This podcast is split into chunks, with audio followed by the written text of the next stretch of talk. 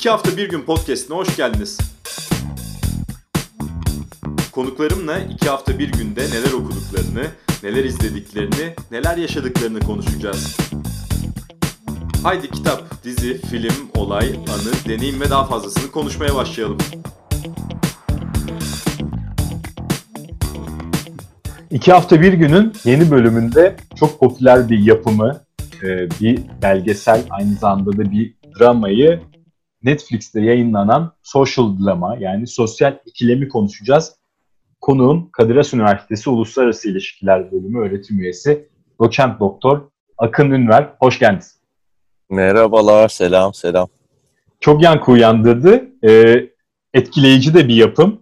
E, sosyal evet. medyanın hayatımızı nasıl etkilediğini, hatta bizi nasıl manipüle ettiğini göstermeyi hedefleyen çarpıcı bir belgesel. Aynı zamanda drama çünkü kurgu da barındırıyor içinde.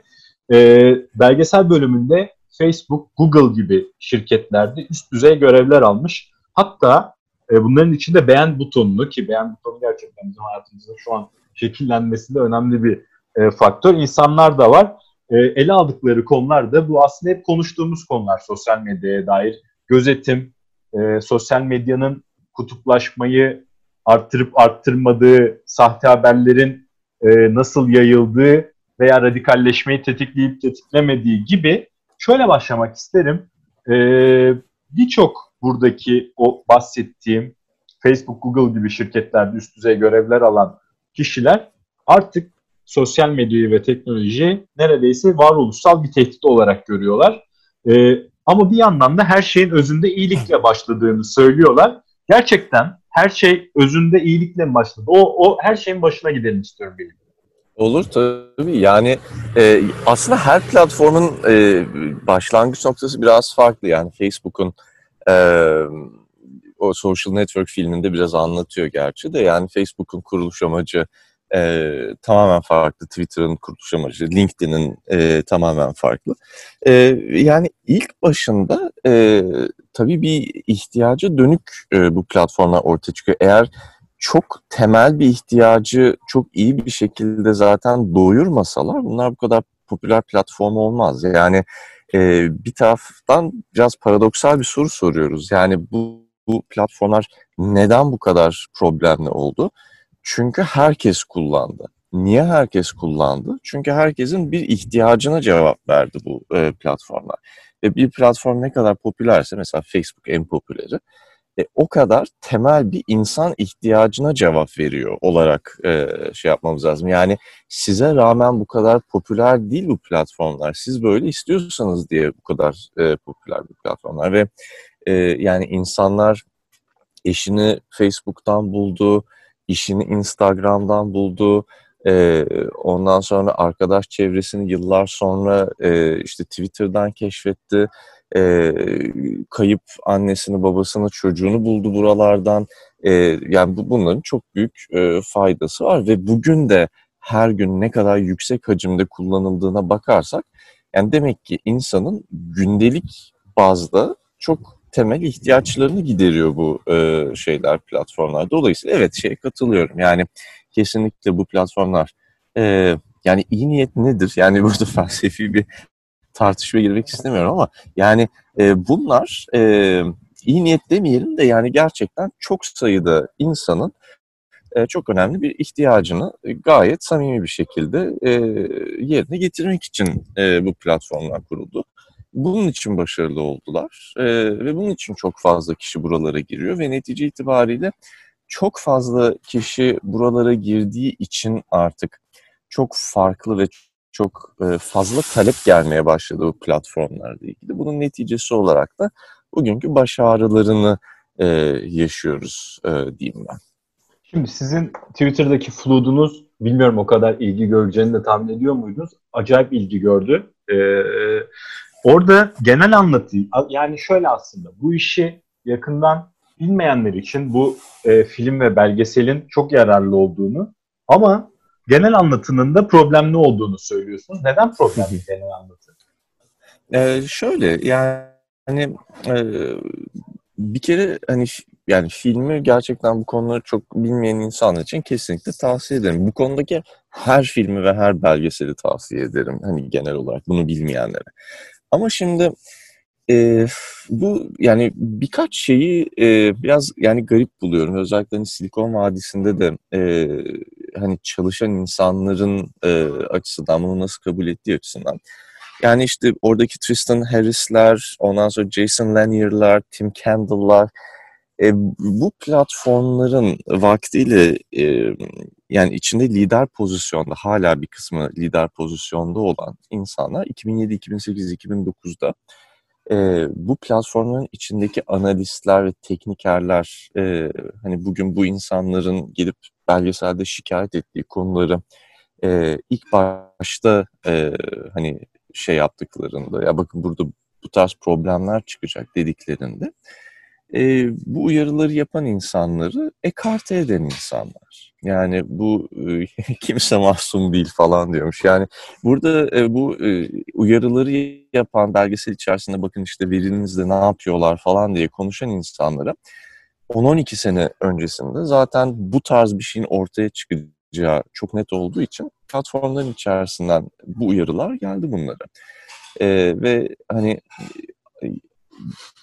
hepsi bu tarz uyarıları birkaç sebepten. A, ya bak insanlar kullanıyor demek ki faydalı. Sen boşuna endişeleniyorsun. B, inanılmaz e, para e, ve gelir e, alıyoruz buradan. Bozma bunu. E, veya e, işte şirketin e, yani sahipleri veya işte yönetici kurulunda olan insanları e, bu işte kar marjını etkileyecek bir şey aman dokunma falan diyerek bütün bu uyarıları ek ekarte etmiş e, insanlar. Dolayısıyla yani anlatıya baktığım vakit tamam bu insanları konuşturun ama bu insanlara vaktiyle bu uyarıları yapanları da konuşturun. A. İkincisi yani tamamen işte Stanford ve çevresindeki yani o Silikon Vadisi ekosistemindeki insanlar konuşuyor. Yani bir Amerika'nın farklı e, eyaletlerinde de çok önemli teknoloji kritikleri var ve vaktiyle bu uyarıları yapan insanlar. Mesela onların niye hani konuştuğunu bir tek Harvard'dan e, Shoshana Zuboff var. Yani onun dışında da e, Amerika'nın geri kalanından kimseyi konuşturmuyor. E, onu geçtim. Yani İngiltere'de, Almanya'da, e, Fransa'da, Brezilya'da, Rusya'da, Çin'de çok önemli teknoloji kritikleri var. Yani bu madem küresel bir şey ve e, bu problem gerçekten herkesi ilgilendiren bir şey. Yani e, bu problemi yaratanları konuşturmak yerine bu problemi vaktiyle e, anlayıp buna dönük uyarıları yapan insanları konuşturmak lazımdı. Yani bu sebeple şey sevmiyorum. Bir de son olarak şey anlatayım. Yani e, burada işte soruyorlar. Yani tamam e, bu işte sorunları nasıl çözeceğiz falan filan. Şimdi çok büyük bir e, kısmı e, mülakat yapılanların e, bu konuda yani önemli bir çözüm üretemiyor. Yani zaten hani belgeselin en bana göre komik e, ve hani yani ta alay etmeyelim ama hani alay edecek olsak en alay edilecek tarafı yani bunların böyle Allah'ın varoluşsal böyle depresyonların içine girme taklidi yapıyorlar. Böyle işte e, derin derin dalıp ufuklara bakıyorlar nasıl çözüleceğine dair sorular sorulduğu vakit. E, yani tabii ki bu sorunu siz yarattığınız için nasıl çözüleceğini bile, bilemezsiniz. Mümkün değil bu. Bir şey çözümü sunuyorlar. İşte bir platform ne kadar veri toplarsa e, o kadar vergi vermeli ki yani hiçbir e, çözümle alakası olmayan bir e, söz. E, dolayısıyla yani e, şeye benzetiyorum ben bunu birazcık. Ya, yani A günah çıkarma, e, B işte vaktiyle bütün bu hataları yapan insanların bir şekilde bu hatalardan sıyrılarak e, bu konuyla ilgili toplumsal bilincin daha böyle e, şey kuvvetli tarafına kendilerini atmaya e, çalışmaları. E, yani kesinlikle hani izle yani bu, bu meseleleri bilmiyorsanız kesinlikle şey yaparım, e, tavsiye ederim bu e, belgeseli. Fakat yani çok çok büyük e, problemlerinin olduğu aşikar. Bu şekilde özetleyeyim. Çok güzel bir özet oldu. Şimdi ben de şunu düşündüm mesela. Sonu e, şöyle bitiyor çözüm olarak. İşte bildirimlerinizi kapayın veya sosyal medyadan çıkın. Ama biz bu e, filmi Netflix'ten izliyoruz. Netflix'te algoritmalar kullanan bir platform. Ve baya bizim işte izlediğimiz film yani şunu demek istiyorum. Sizin Netflix'te önünüze çıkan filmler ve diziler veya belgesellerle benim önüme çıkanlar da aynı değil. Çünkü Hı-hı. aslında kişiye göre şekillendiriliyor. Dedikleri gibi Wikipedia gibi Evet. bir sayfa değil Netflix. Bu da bir soru işareti yaratıyor. Ama şunu konuşmak isterim. Ee, siz de o tweet dizisinde şunu söylüyorsunuz. Evet sosyal medyayla ilişkimizi gözden geçirmeliyiz. Ama nasıl?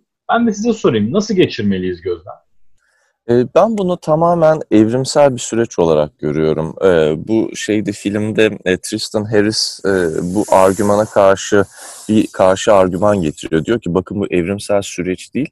E, Çünkü e, kazanamayacağınız e, bir mücadele. Yani karşınızda sizin öyle algoritmalar var ki siz bu enformasyon yüküne adapte olmaya çalıştığınız her an sizin bir adım önünüzde algoritmalar ve dolayısıyla siz hiçbir zaman e, bu e, endüstriye adapte olamayacaksınız ve bağımlı e, olmaya devam edeceksiniz.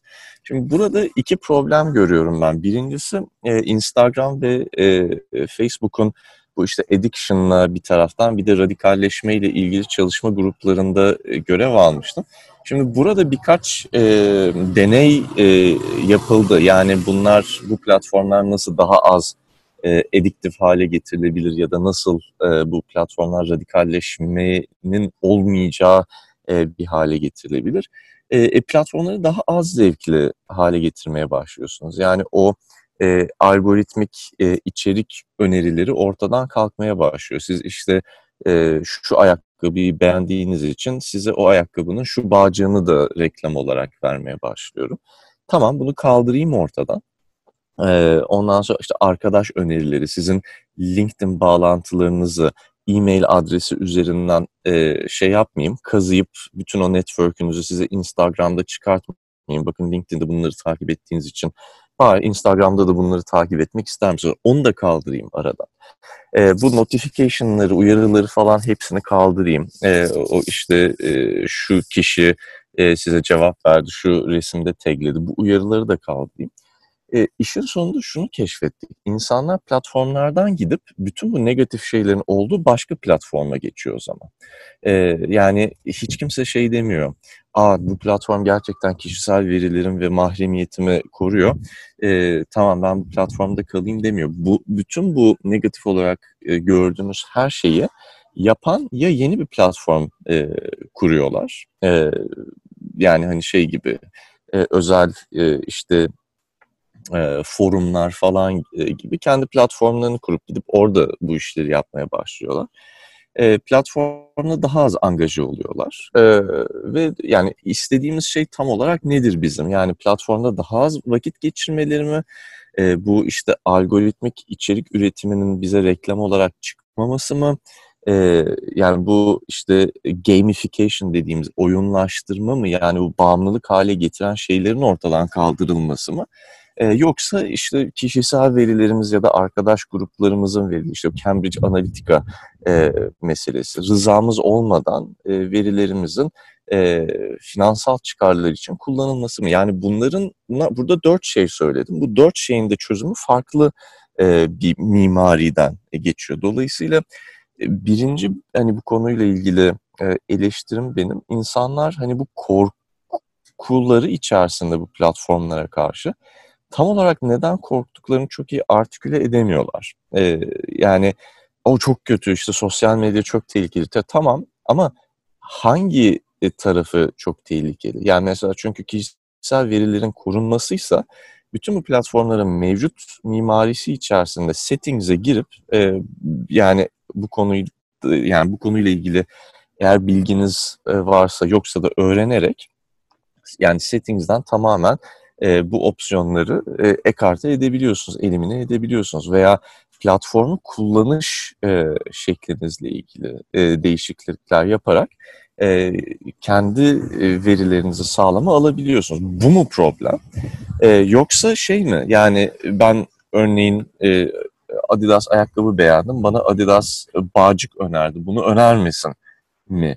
E, bu çok karışık bir tartışma olduğu için ben biraz e, burada hani platformlardan ziyade kullanıcı davranışları üzerinde biraz e, vakit geçirelim istiyorum. Dolayısıyla e, yani sorunuz çok önemli. Yani tamam bu meselenin çözümü nedir?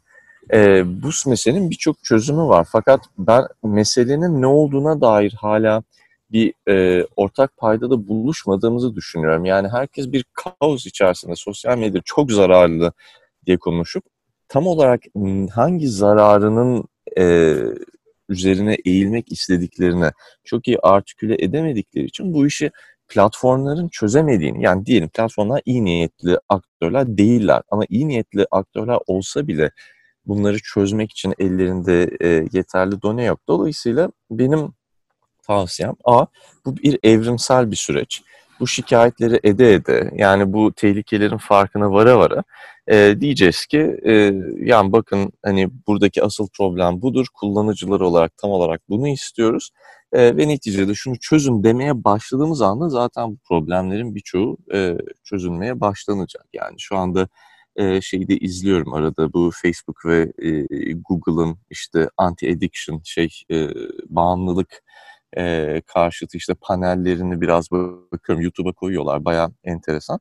E, problemin tam olarak ne olduğunu anladıkları anda çözüyorlar. Mesela işte ergenlik döneminde e, e, işte kızların özellikle Instagram'da e, işte body image, vücut image'ları üzerindeki o negatif etkilerinin ortadan kaldırılması. Çünkü o, hani buna bağlı intihar oranları çok artmış vaziyette ve bir problem. Şimdi bunu çözebiliyor e, şey e, Instagram bir noktaya kadar. Fakat bunu çözemedikleri nokta şu. Instagram'da bu fonksiyonları kaldırdığınız vakit aynı e, yaş grubu Facebook'a gidip aynı içerikle Facebook'ta angaja olmaya başlıyor. Dolayısıyla bir kısmı evet platform tarafından çözülebilir bunların ama bir kısmı e, tamamen yani kullanıcıların bilinçlenmesiyle olacak bir iş. Çok uzun konuştum kusura bakmayın ama Yok, yani tersi. çok Tam da dolu istediğim- olduğum bir konu. Yo, ben de o yüzden zaten konuşmak istedim. İyi ki de konuşmuşuz. Ben de bir yandan düşünüyorum dinlerken. Şimdi burada ben de şu soruyu sordum tabii kendi kendime. Ee, filmden hareketle izlerken sosyal medyadan ne kadar uzak kalabilirim veya ne kadar çevrim dışı kalabilirim? Çok fazla kalamayacağımı fark ettim. Ee, yani bunun içindeyiz. E, bunun içinden de çıkmak istemiyorum aslında. Ama çok da bağımlı hissetmiyorum kendimi bir yandan. Belki Hı. de kendimi kandırıyorum diyeyim. E, şunu Hı. sormak isterim. Biraz kutuplaşma meselesini konuşalım isterim. Gerçekten de e, kutuplaşmayı e, hiç olmadığı şekilde körükleyen bir şey mi sosyal medya araçları? Yoksa Hı. biz daha önce ne kadar kutuplaştığımızın farkında mı değildik? Ya çok güzel soru ve yani şey de e, yani şu anda bilimin de çözmeye çalıştığı e, mesele şu yani ana argüman neydi? E, sosyal medya aşırı kutuplaştırıcı bir şey. E, biz e, sosyal medya sebebiyle hiç olmadığımız kadar kutuplaşmış vaziyetteyiz. Tamam bunun kanıtı olarak hangi veri gösteriliyor? Bakın işte Twitter üzerinde nasıl e, kümelenmiş ya da birbirlerinden nasıl e, ayrışmış insanlar. E, şimdi burada birkaç sorun var. Yani kendim de hani ampirik olarak bu kutuplaşmanın ölçümü, kutuplaşmaya dönük e, işte verilerin e, klasifikasyonuyla uğraştığım için burada biraz e, yani problem var. Birincisi şu, sosyal medyanın televizyon ve gazete ve radyo gibi eski medya araçlarına kıyasla e, artı bir kutuplaştırma getirip getirmediğine dönük henüz bir bilimsel çalışma yok. Bu ne demek? Şu demek. Siz diyorsunuz ki sosyal medya çok kutuplaştırıyor. Okey. Televizyon, radyo ve gazete de çok kutuplaştırıyor. Fakat gazete, radyo ve televizyonun kutuplaştırma etkilerini ölçebileceğimiz bir medyum yok ortada. Halbuki sosyal medyanın kutuplaştırmasını kantifiye edebileceğimiz, sayısal olarak ölçebileceğimiz yer yine sosyal medya. Ve biz diyebiliyoruz ki e, bakın sosyal medyadaki işte şu içerik nasıl kutuplaştırdı ve netice itibariyle işte bu havalı A analizleri falan ortaya çıkıyor. Bakın işte şurada e, A grubunu destekleyen küme, burada da B grubunu destekleyen küme. Bakın ne kadar bunlar ayrışmış. Şimdi bir bu tarz araştırma var. Ama bu şunun göstergesi yani sosyal medya kutuplaştırıyor ama bunu gör, yani sosyal medya sadece sosyal medyada kutuplaştırıyor. Bunun fiziksel alanda bir dışa vurumu, tezahürü var mı diye ikinci bir e, soru ortaya çıkıyor. İşte o da benim şu anda araştırma konumdan daha ziyade daha ekstrem noktasından bakıyorum. Yani sosyal medya e, savaş anlarında mesela dezenformasyon olsun, propaganda olsun e, çatışmaların artmasına sebep oluyor mu gerçekten? Yani bunu biraz ölçmek lazım, bunu biraz tetiklemek lazım. Onu da ölçmek tabii şey çok zor. Yani savaş alanında gidip hani sosyal medya üzerinden ölçüm yapıp nasıl işte çatışma oluyor mu olmuyor mu ölçebiliyor mu biliyorum ama yani bu bağlantının sosyal medya ile ilgili olup olmadığını ölçmek için benim aynı zamanda savaş alanında bir televizyon, bir gazete, bir de radyo sokmam lazım. Onun etkilerini de gözlemlemem lazım. E, şu anki haliyle tabii onlar çok zor. Savaş alanından veri almak yani e, bayağı zor.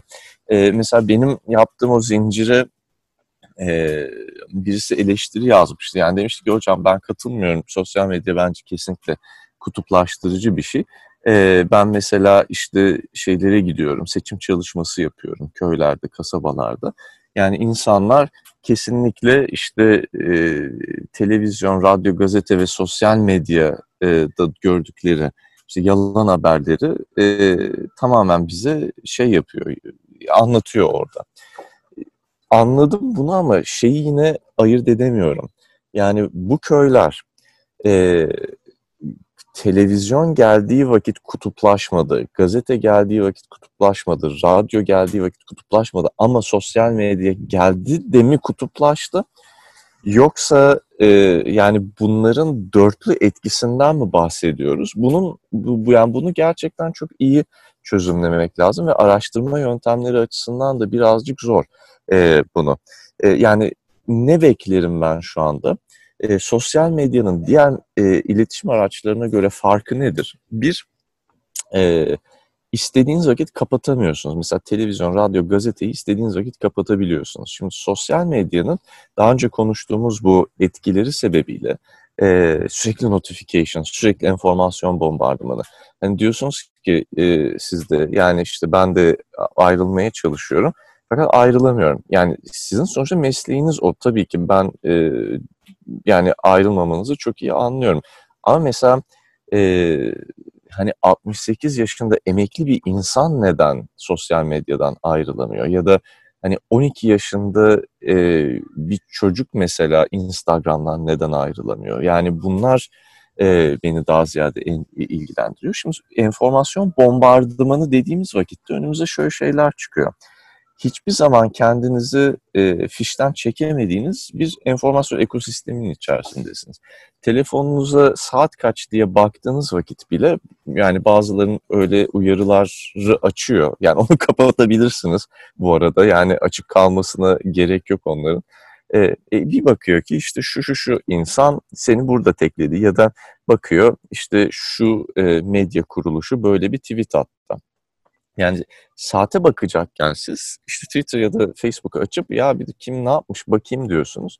E bir yere bir bakıyorsunuz şurada bir patlama, burada bir protesto. İşte protestoculara e, polis şunu yaptı. Ondan sonra e, burada Trump şunu dedi, burada Boris Johnson şunu dedi. Yani e, şey yapma yani kaçamadığınız bir enformasyon e, ekosistemin içindesiniz. Tabii bunun e, travma yaratan e, etkileri var. E, özellikle e, savaş e, habercilerinde gördüğümüz. Yani siz aktif olarak şu anda mesela cephede değilsiniz ve işte savaşı e, gözlemlemiyorsunuz ama yani oteldeyken dinlenme anında bile e, bir gerilim içerisindesiniz. İşte her an bir telefon gelebilir, her an bir yere bomba düşebilir falan ve dolayısıyla siz e, yani travma alanlarına uzak olsanız bile sürekli olarak bir travma enformasyonu e, geliyor üzerinize. E, bu sadece siyasal olmak zorunda değil. Yani 13 yaşında bir kız çocuğunu düşünün. Yani işte o şeyde vardı. Social Dilemma'da işledikleri bir konu. Yani burnunuzu beğenmiyorsunuz. Sürekli olarak işte burnu çok güzel olan manken ve modelleri takip ediyorsunuz. E, yani hiç alakasız bir arkadaşınızdan mesela WhatsApp'tan bir şey gelecek o sırada çok işte burnunu beğendiğiniz bir foto model e, bir paylaşım yapmış olacak. E, size notification gelecek. Siz açacaksınız. Hay Allah ulan ne kadar güzel burnu varmış. Benim niye güzel burnum yok diye yine bir tekrar travma şeyine gireceksiniz. Bunu hep hani kadınlar üzerinden konuşuyoruz ama erkekler üzerindeki versiyonu da şu. Ee, sürekli olarak işte e, yani zengin ve lüks bir yaşantı e, süren, e, işte e, geliri yüksek olan ve sürekli olarak bu gelirini e, gösteren e, işte erkek. Yani mesela işim çok iyi değil, gelirimden memnun değilim. Ondan sonra ama işte şu şu şu insanları tanıyorum. Bayansın ulan ne kadar güzel hayat yaşıyor. Yatına bak, katına bak, işte arabasına bak falan. Bakıyorsunuz ondan notification gelmiş e, şey arabasının içini göstermiş. Yani bundan etkilenen çok fazla insan var.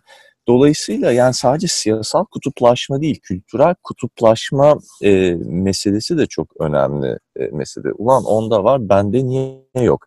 Şu kişide işte şöyle burun var, bende niye yok? Bunda şöyle araba var, bunda bende niye yok? E, yani eşitsizlik ve eşitsizliğin getirdiği sosyal e, dinamikleri de etkilediği için gelire dönük ve sosyoekonomik yere dönük bir kutuplaştırma da getiriyor. Bu kısmına ben iknayım. Yani tamam kutuplaştırma dediğimiz vakit sosyal medyanın e, bu tarz bir etkisinin olmasını beklerim. Fakat hala e, bu tarz kutuplaştırma beklediğimiz şeylerin gerçekten diğer medya araçlarından farklı olarak kutup kutuplaştırma getirdiğini henüz ölçemedik. Belki ölçeceğiz bir sene sonra, iki sene sonra. Belki diyeceğiz ki yani bu kutuplaşmanın etkileri tamamen sosyal medyada kalıyor, dijitalde kalıyor. Ve bu insanlar gidip e, fiziksel hayatta hiç e, bir değişiklik olmuyor bunların e, şeyinde.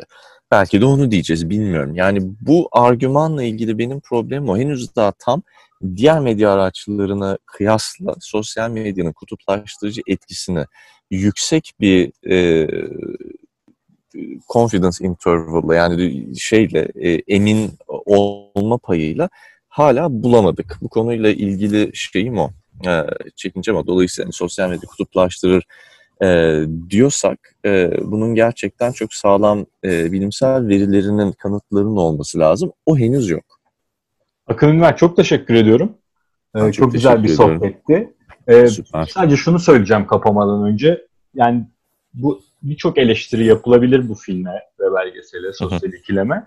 Ama bu konuları konuşmamıza vesile olduğu için sadece burada değil, dünya üzerinde de bir tartışmayı başlatmayı e, başardığı için bile bence takdiri hak ediyor. Ne dersiniz? Kaparken belki oradan kapıyor. Ya kesinlikle ama ne olur ne olur ne olur burada kalmayın. Yani hani Social Dilemma'yı izledim. Abi o sosyal medya çok kötüymüş noktasında kalmayın. Yani bunu özellikle e, Yo gençlere söylemiyorum ya yaşlılar da bu konuda gayet kötü yani onun için yani bu, bu filmi izleyen herkese şunu söyleyeceğim. Ee, ya izlediniz tamam çok güzel ama bu filmde kalmayın. Yani bu algoritmik ön yargı, e, ondan sonra e, dikkat ekonomisi falan gibi e, konuları biraz daha detaylı bir şekilde e, çalışın. O zincirin sonuna işte kitap önerileri ve makale önerileri de koymuştum. Çünkü sebebi şu, bu sistem kaybolmuyor. Yani bu teknolojiler gitmeyecek. Biz gözümüzü kapadığımız vakit ortadan otomatikman kaybolmayacak. Tam tersine bu teknolojilerin daha da hayatımızın içinde olduğu bir döneme gidiyoruz. Bunlardan kaçarak o döneme giremeyiz. E, bunları çok daha iyi bilerek ve farkında olarak o döneme girmemiz lazım. Bunun için de filmi izlediğiniz çok güzel ama ne olur ne olur ne olur filmde kalmayın. Bunları öğrenmeye devam edin. Akın Ünver çok teşekkürler. Sağ olun.